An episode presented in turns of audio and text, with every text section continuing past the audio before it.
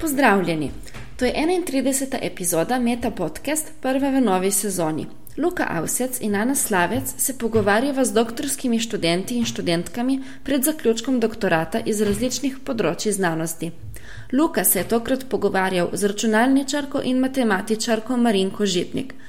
Uživajte v poslušanju.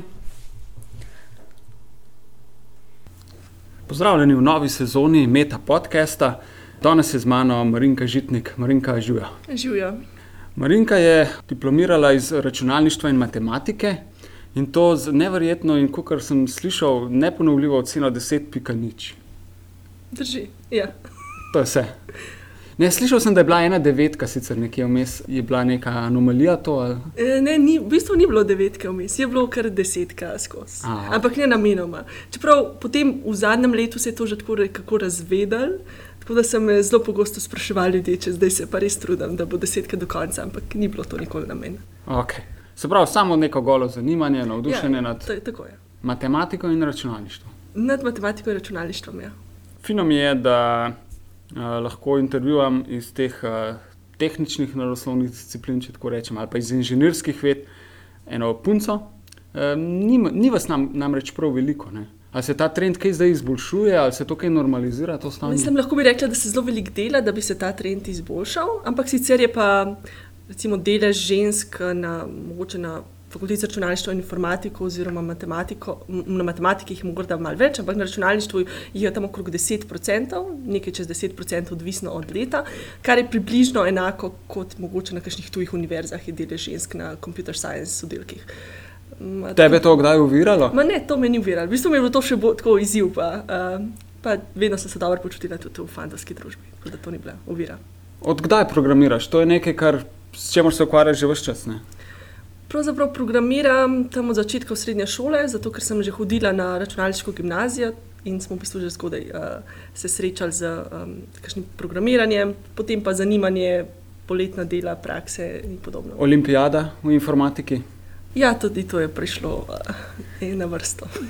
Par prvih zadetkov v Googlu eh, eh, pokaže številne nagrade, ki si jih ti do zdaj že dobila za, za svoje delo. To pohod nekih Excellent Award, uh, First Prize winner za to in ono. A nam lahko kakšno od teh nagrad, ki ti je najbolj pri srcu, predstaviš, zakaj si jo dobila in kaj pomeni? Ha, um, dobro, ena nagrada, ki mi je, mogoče ki mi je predvsej pri srcu, je uh, Preširnova nagrada uh, Univerze v Ljubljani za moje diplomsko delo. Um, zato, ker se mi zdi, da um, je pravzaprav povezala to, kar sem si vedno želela, na nek način povezati matematične koncepte z, z morda biologijo ali pa medicino, ki me je sicer vse zanimala. Um, in predvsem je bilo pa všeč zato, ker je v bistvu nek. Neka razvojna matematična metoda pripeljala do čist praktične uporabe, ki je v bistvu pomagala ljudem iz druge domene. Tako da mi je bilo zelo, uh, zelo v veselje to, kar uh, sem uh, takrat naredila, oziroma kar smo takrat naredili skupaj z mentorjem za to diplomo. Da je vam mogoče zdaj povedati, kaj ti pravzaprav delaš. Ne? Zdaj, lahko bi tako v enem stavku opisali, da je ravno to stičišče, kar si rekla, umetne inteligence, strojnega učenja na eni strani, data mininga, ne, ki je tako pomemben buzzword zdaj, in pa na drugi strani mogoče te eh, naravoslovne discipline, kot je biologija in medicina. Ne. To, to stičišče, ta povezava te mogoče še najbolj zanima. Uh, ja, pravzaprav to, ta povezava me zanima, ker na nek način moja alternativa študiju matematike, računalništva bi bila verjetno medicina. Pa potem sem se nekako bolj upeljala v uh, matematiko in izkazalo se, da ravno zdaj v, v tem obdobju postaja, smo priča takim velikim spremembam na področju biologije, pa tudi drugih znanosti o življenju, kjer je na voljo vedno več podatkov, ki jih je potrebno na nek način analizirati. In zdaj v tej fazi velikega podatkovja pridemo zelo, smo zelo priročni, uh, ljudje, ki mogoče imamo neke, um, neka znanja z področja matematike, optimizacije strojnega učenja, podatkovnega rodarjenja, uh, kakorkoli želimo temu reči, um, zato da lahko pravzaprav pomagamo. Iz podatkov dobiti informacijo. Ne? Ja, tako dobiti neke koristne informacije, ki, neke, ki lahko dajo neko koristno napoved. Se kdaj ukvarjaš s tem, kako bi sebe opisala? Si kdaj rečeš, da si mogoče bioinformatičarka ali si pač computer scientist. Ali... Ja, to je zelo težko za eno besedo povedati, kaj sem, ampak jaz bi rekla, da sem po srcu sem, sem poskušam vedno biti bližje mogoče um, takemu um, matematičnemu modeliranju, pa strojnemu učenju. Uh, je pa res, da aplikacije, ki jih, torej, kjer, področje, kjer metode uporabljamo, pa so večinoma iz biologije in medicine. Se pravi, biologija in medicina te vsaj malo tudi veselita in zanimata, ni to samo nujno zelo zaradi tako aplikacije. Je, tako je, tako je. Ena od metod, v kateri si ti ogromno eh, prispevala ne, v, v svetovnem smislu, je metoda zlivanja in združevanja podatkovnih virov z namenom izdelave nekih napovednih modelov, ki bi nam pomagali kakšno stvar razložiti ali pa odkriti kakšne trende v podatkih in tako naprej. Ne. A nam lahko mehano pišeš, kaj si pravzaprav naredila, kako to narediš? Okay, torej, eh, to področje se imenuje zlivanje podatkov, oziroma mogoče data fusion se reče v angleščini, oziroma je tak izraz, ki se pogosto pojavlja. In gre za vprašanje, kako bi, zgradi, kako bi gradili napovedne modele iz večjih heterogenih podatkovnih virov. Zdaj, to biologija je zelo zanimivo, zato ker zaradi vedno, vedno več novih tehnologij lahko te, te tehnologije lahko merijo delovanje celice iz raznih vidikov, ja, iz, v raznih časovnih točkah, v raznih fazah, v, v raznih um, delih celice. In te meritve, ki so nam na voljo, so lahko zelo heterogene, ker so heterogene v smislu, da, je, da so podatki na različnih uh, časovnih skalah, uh, lahko na različnih merskih skalah, so tudi v različnih formatih, lahko imamo na voljo neke atributne predstavitve, mreže. In zdaj pojavlja se vprašanje, ali lahko pravzaprav na nek smiselen način vse te vire združimo s ciljem, da seveda izboljšamo napoved v primerjavi. Uh, z modelom, ki bi upošteval samo en podatkovni vir. Torej, če, sem vam bolj skušala biti malo bolj plastična, pa grem izven področja biologije, ki mogoče ni vsak poslušalec tako domač s to temo. Um, recimo si lahko bi vsakdo predstavljal um, nek zelo dober, zelo dober analog um, zlivanja podatkov ne, na nebiološki domeni so naprimer priporočilni sistemi. Priporočilni sistemi, in vsi smo mi seveda priča in jih zelo dobro po, poznamo in uporabljamo, če morda ne, ne zavedajoč se, se ukvarjajo s tem, kako nam lahko, um, če obiskujemo neko spletno stran, kako nam lahko sistem priporoči, kaj želimo delati v prihodnosti. Torej, pravi, naprimer, kako Amazon ve, katero tako, knjigo tako, želimo mi naslednjo prebrati. Ali pa kako Netflix ve, če, bomo, če bo nam všeč nek film, ki ga še nismo pogledali. In seveda si lahko predstavljamo, da če želimo ne povedati, koliko zvezdic bo nek uporabnik dal nekemu filmu, lahko seveda upoštevamo samo to, katere filme je uporabnik gledal v preteklosti. To je pač nek vir informacij. Ampak intuitivno se nam zdi jasno, da mogoče bi iz, lahko izboljšali našo napoved, če upoštevamo še, kaj so pa prijatelji tega uporabnika uh, radi uh, gledali, katere filme so njim všeč. Ali pa če morda vemo, da ta uporabnik je morda dekle staro 20 let in živi v, v tej zvezdni državi v Ameriki. In, skratka, to dodatno znanje, ta kontekst nam potem v bistvu omogoča, da, um, da gradi, lahko zgradimo napovedne modele, ki so boljše, ne? ki dosegajo boljšo napovedno točnost.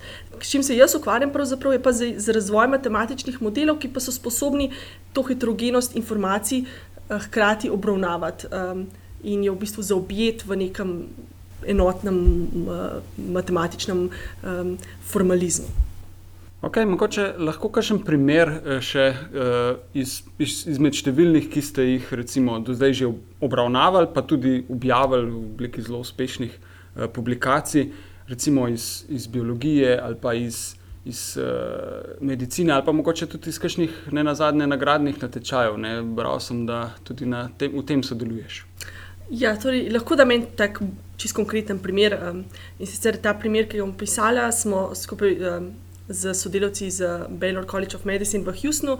Um, Pravzaprav sodelovali pri njem. Šlo pa je za odkrivanje genov, ki so pomembni za bakterijsko rezistenco pri, enem, pri nekem modelnem organizmu, ki te sodelavce precej zanima. Zdaj, ta modelni organizem je dikti oziroma socialna ameba. Um, in torej, um, sodelavce biologije zanima, če lahko za neko um, računsko metodo poskušamo ugotoviti, kateri izmed 12.000 genov tega organizma so pomembni za bakterijsko rezistenco. Torej, um, ti raziskovalci so v preteklih letih že uspeli odkriti z, z biološkimi eksperimenti um, približno 7 genov izmed 12.000, ki so za ta proces pomembni.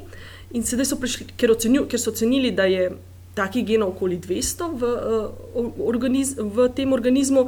Uh, jih je zanimalo, če lahko mi na nek um, učinkovit oziroma čim bolj točen način predlagamo, kateri so tisti geni, ki bi še bili vpleteni v ta proces. Ne? In tukaj se zopet pojavlja ta analogija s priporočilnimi sistemi. Imamo recimo torej 12 tisoč genov, kateri so tisti, ki so pomembni za ta proces.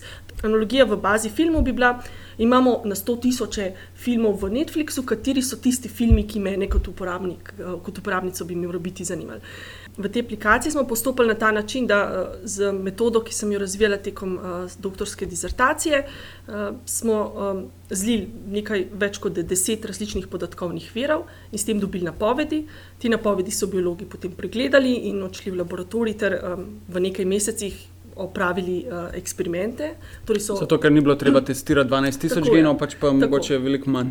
Torej, pravzaprav so vzeli zgolj 30 prvih 30 genov, ki smo jih mi predlagali, ki smo jih rangirali, in potem so izmed teh testirali, uh, testirali 9. In kar je dobra novica, je, da se je izkazalo, da je kar 8 teh genov pozitivnih bilo, torej da so, bili, da so potrdili, da so ti geni res upleteni uh, v te procese uh, bakterijske rezistence, ki jih zanimali. Praviš, da ti je računalništvo všeč, ker posega praktično na vsa ali pa skoraj vsa Eh, področja človekovega delovanja. Ne. Eh, zato je mogoče običajno, da se ljudje hočemo računalništvo tudi poročiti. Ti pa sama tudi pomagaš pri tem, da bi se eh, veščine dejanske rabe računalnikov, ne samo rabe posameznih aplikacij, ne, kot je programiranje in tako razširile med splošno populacijo, pa tudi ali pa predvsem med dekletami. Uh, ja, pravzaprav to me zelo navdušuje, da uh, poskušam za računalništvo ali pa mogoče za sploh tak način razmišljanja navdušiti čim več ljudi. Um, predvsem zato, ker, tako kot si omenil, je tako izredno uporabno na, na praktično na vsakem področju. Da, zdaj smo večinoma govorili o tem, kako, je, kako so razne računalniške metode uporabne v biologiji in medicini, ampak Pa v Netflixu. Pa v Netflixu, pa, ampak po drugi strani imamo pa zdaj to novo področje digitalne humanistike, kjer pa pravzaprav literate, pa um, um, povsem ljudi, ki se ukvarjajo z um, zgodovino, arheologijo, glasbo, umetnostjo. Tudi zanima, kako bi lahko recimo, analizirali določene, določene aspekte njihovega dela. Naprimer, uh, mogoče bi lahko, in recimo to se dejansko tudi počenja, um, uporabljali metode analize omrežij za raziskavo uh, kakšnih um, Shakespeareovih del, ali pa pod, podobno potem analizirali slike z raznimi meto, uh, metodami iz računalniškega vida. Tako da to se mi zdi zelo zanimivo, ker se mi zdi, da so računalniška znanja zdaj koristna, kamorkoli pravzaprav prideš. Uh, in zato je ena super, super čas za to, da vsak to se kaj nauči z tega področja. Torej, sama sem pa zelo aktivna, predvsem um, na tem, da bi uh, navdušila več uh, deklet za um, področje računalništva, matematike, tehnologije, inženirstva. Tako da v tem sklopu sodelujem tudi v nekem uh, Googlovem odboru, ki se ukvarja s promocijo uh, računalništva, inovativnih tehnologij med mladimi, tudi s posebnim fokusom na, na dekletih. Naš cilj je, da pač seveda podpiramo, da organiziramo razne dogodke po svetu, um, ki promovirajo. Um, računalništvo med mladimi in jim posebno, na posebno praktičen način poskuša računalništvo približati preko dela, hands-on delavnic, uh, predavanj, raznih taborov in podobno. Okay, Deva zdaj en svet za poslušalce ali pa ja. poslušalke. Marinka Žitnik, članica komiteja Google, globalnega komiteja za ženske v računalništvu. Kako začeti? Vse, kako bi rekla, da je zelo dobro čim prej se vključiti v kakšno skupino, um, ki obstaja tudi v Ljubljani, kakšne ra obstajajo razni meetupi, potem skupine uh, deklet, ki delajo na kakšnih projektih in se tekom projekta pravzaprav naučiš programiranje. To je zelo dobro. Sploh, če te zanima morda neko drugo področje, recimo, da te zanima zgodovina, zdaj pa poskušaš zgodovino ali pa, zgod ali pa nek, nek, neko obdobje, ki je podobnega.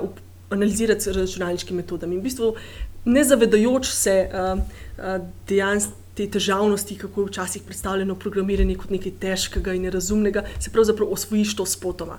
Tako da vsekakor je to dobro, potem nek tak vir uh, za, za, uh, za dobro učenje, ki je brezplačen, pa zelo kakovosten, uh, so zagotovo uh, online tečaji, tukaj predvsem velja izpostaviti Coursero, pa Edix.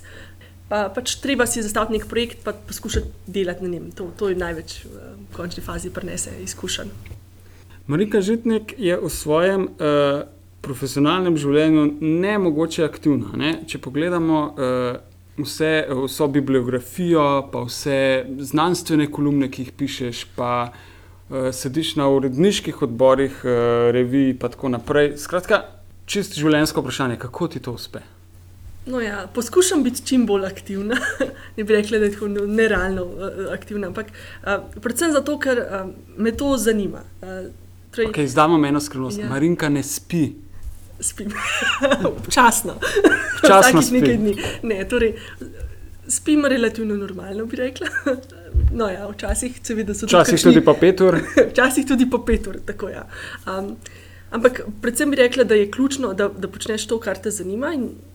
Jaz sem se opisala doktorski študij predvsem zato, ker me je to me je zanimalo. Torej, jaz bi verjetno, verjetno bi brala članke, pa raziskovala, tudi če ne bi kdo mi uh, posebej. Uh, Določil in naročil, da je to moje delo. Tako da se mi zdi doktorski študij super priložnost, ker dejansko nekdo te uh, nekdo te, nekdo te določi, da počneš to, kar sploh bi že rad počel. Ne? To je recimo branje, pisanje člankov, komuniciranje z ljudmi, raziskovanje. In, in pa se mi zdi to super. Pač, uh, je pa treba biti čim bolj odprte glave. Pa, pa če je to tvoj del življenja, potem ni, je preprosto. Odlično. Lej, Marinka, jaz vem, da doktorirala nisi samo zaradi tega razloga, ker nihče iz komisije pravzaprav ne razume tvojega doktorata. Iz prve roke vem, da si tukaj doma brez uh, konkurence. Uh, sama sicer praviš, da fizična lokacija ni zelo pomembna, če delaš v polju, ki te pač zanima in če lahko sodeluješ z ostalimi znanstveniki iz celega sveta. Ampak kljub samo ni prav nič čudno, da se oziraš čez meje. Že samo v teh kratkih treh letih svojega doktorata si bila na Univerzi v Stanfordu, na Baylor College of Medicine, Imperial College of London, uh, University of Toronto. Da nam malo povej, kako si tja prišla, kaj si tam delala in so to mogoče tvoje sanje za naprej. Okay. Mogoče najprej, da začnem s to upravičilom, da verjetno komisija zelo dobro razume mojo doktorsko disertacijo, pa sem še niso vtegnili. In jaz sem imela to priložnost, da sem že kot podiplomska študentka se priključila uh, in začela občasno obiskovati laboratorij za bioinformatiko, ker sem dobila super mentorja, to je pač profesor uh, Blaž Zupan. In pravzaprav me je on uvedel v to raziskovanje, kako se stvari potrebno lotiti, katero raziskovalno vprašanje si treba postaviti, kako se sploh formalizira to vprašanje in kako se potem naredi raziskava. Pravzaprav te njegove močne povezave tudi s tojino so mi omogočile, da sem. Um, sodelovala z raznimi skupinami, to, kar si že pač omenil. Um, in sem pač tekom svojega doktorskega študija, oziroma nekaj je bilo že tekom dodiplomskega študija, sem imela potem pri, super priložnosti, da sem odhajala na te tuje univerze, kjer sem predvsem dobila veliko dobrih izkušenj, uh, novih prijateljev, novih znanj, sodelavcev. Se mi zdi to ti. Um, Ta, ta možnost uh, da izmenjave oziroma obiska neke tuje ustanove razširi obzorja posameznikov. Tako da se mi zdi to zelo koristno in bi pravzaprav vsakemu, ki ima priložnost, to zelo priporočala. Tudi na podiplomski študiji, ne odhajaš zdaj v kratkem ja, v Ameriko. Najverjetneje, oziroma pač, če bo vse tako, kot bi moralo biti, odhajam uh, na postdoktorsko usposabljanje na Stanford, od tam pa bomo videli, kam naprej. Ja, čestitam. Kako bi mogoče lahko primerjala eh, razmere za delo v tujini, kot si jih spoznala do zdaj, pa recimo tukaj? Kar me je predvsem navdušilo na tujih univerzah, je bilo v splošnem to navdušenje in pripravljenost ljudi, in da, da raziskujejo in ta entuzijazem, ki, ga začutiš. Ko dejansko pač srečaš nekoga na hodniku in tako se razne debata o tem, kateri članek si prebral včeraj in kaj se je zgodilo v novicah, in to je pač nekaj izjemnega, in tako se postavi hipoteza. In čez nekaj ur že govorimo o tem, kako hipoteze se potrdile, oziroma nismo potrdili, oziroma smo nekaj narobe razmislili. Torej, zelo, zelo, kar, kar sem hotela povedati s to, um, s to karikaturo, je pravzaprav to, da se zelo hitro se stvari odvijajo. Uh, zelo so ljudje uh, agilni. Uh, tako, uh, Tukaj v Sloveniji je malo zatohlo po teh hodnikih. Sama si prej omenila, da ja, se je zdaj kar bolj živahno, ko smo se preselili v novo stavbo na v Rožni dolini. Ja, zdaj, z novi stavbi fakultete za računalništvo in informatiko je res zelo živahno. Sicer se mi pa zdi, zelo, da je tudi odvisno od skupine, v kateri si. Torej, če bi primerjala um, um, mogoče to okolje, v katerem sem tukaj v Ljubljani, sploh laboratorij, v, kateri, v katerem delujem, se mi zdi zelo podobno ali pa povsem primerljivo z. Z laboratoriji, ki sem jih obiskovala. Zato, ker, pač, um, ker smo na nek način tudi vsi tako zelo navdušeni, oziroma nam je to, kar počnemo, všeč. Um, In mogoče ta razlika med slovenskim sistemom in tujim sistemom je ravno to, da um, morda v tujini z, uh, znajo bolj predstaviti to, kar počnejo na poljuden način, se tega, to, da ne praviš. Uh, poveš to, kar počneš, čim bolj preprosto, poskušaš približati vsakdanjim ljudem ali pa ljudem iz druge domene, je pravzaprav dodatna vrednota. Uh, in da seveda poskušaš to svojo navdušenost deliti z drugimi. Kaj nam tle manjka ne, v Sloveniji, ta, ta marketing znanosti? Ja, tega tega pravzaprav ne moremo. Morda res, to se v Sloveniji še vse zdi kot nekaj slabega, torej, da to pravzaprav ne bi smel. Da to pa je neznanstveno početi. Ne? Ampak, Ta znanost že govori zase in tako, jo nima smisla prevajati v normalni tako, jezik. Točno tako, da mora biti znanost nek težko razumljiv, uh, težko, raz, težko razumljivo področje, v katerega pač ne posegaš, če nisi ravno v tistem oskem področju. Ampak vse kaže na to, da mogoče je najbolj vredno, oziroma človek dejansko razume neko stvar, šele ko jo je sposoben razložiti na povsem preprost način nekomu, ki je z druge domene. Predvsem zdaj, v zadnjih letih je, smo priča zelo uspešnim raziskavam, ki segajo preko ene discipline, torej interdisciplinarnim raziskavam, ki povezujejo. Naprimer, računalništvo je tak super primer, ki povezuje računalništvo s čimerkoli pač že, tako kar se že omenila tekem pogovora, od biologije do humanističnih ved uh, in družboslovja. Uh, mogoče ta širša družbena klima v Sloveniji ni tako pozitivno naravnana uh, do znanosti, kot je mogoče kje v tujini. Ampak uh, lokalna klima je pa lahko, lokalna klima, s tem mislim klima, recimo v neki oži skupini ali pa laboratoriju ali pa v ustanovi, kjer posameznik deluje, je pa lahko povsem primerljiva z. Uh, Kakšno odlično. Se pravi, do nekega. Tu je univerza. Ja, se pravi, do nekega širšega sprejetja ne, znanosti v vsakdanjem življenju, nam manjkajo vsaj še veliki potiskani polovori, University of Ljubljana ali pa Maribor ali pa kaj ja, podobnega. Ja, na primer, kaj podobnega. Tako, ja. Marinka, da je za konec, uh, sam še zaključni set vprašanj. V novi sezoni smo jih malenkost preoblikovali in sicer so zdaj vprašanja takale. Kaj bi bila, če ne bi bila znanstvenica? Kakšne so bile tvoje alternative v opisu na univerzo?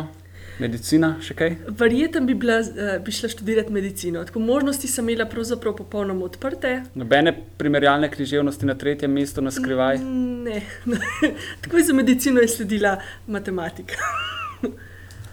Koga od nam znanih ali neznanih eh, bi povabila na večerjo, če ne bi bilo nobenih omejitev? A mora biti znani še živi? Ne, to seveda ni okay. takih brezveznih omejitev. Dobar, potem bi pa. Um, povabila a, Richarda Feynmana, torej slavnega, slavnega ameriškega fizika. E, če bi imela milijon evrov za poljubno raziskavo v tem trenutku, kaj bi raziskovala?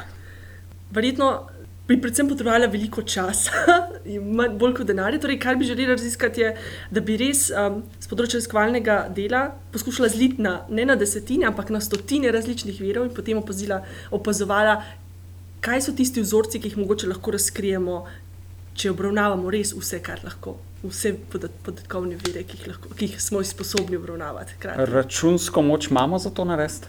Računska moč bi bila verjetno tista, za kar bi zapravila en milijon. Potem pa sem še dva prosta vikenda in to je to. Tako, ja. Kje se vidiš čez pet let, kaj boš počela čez 40 let?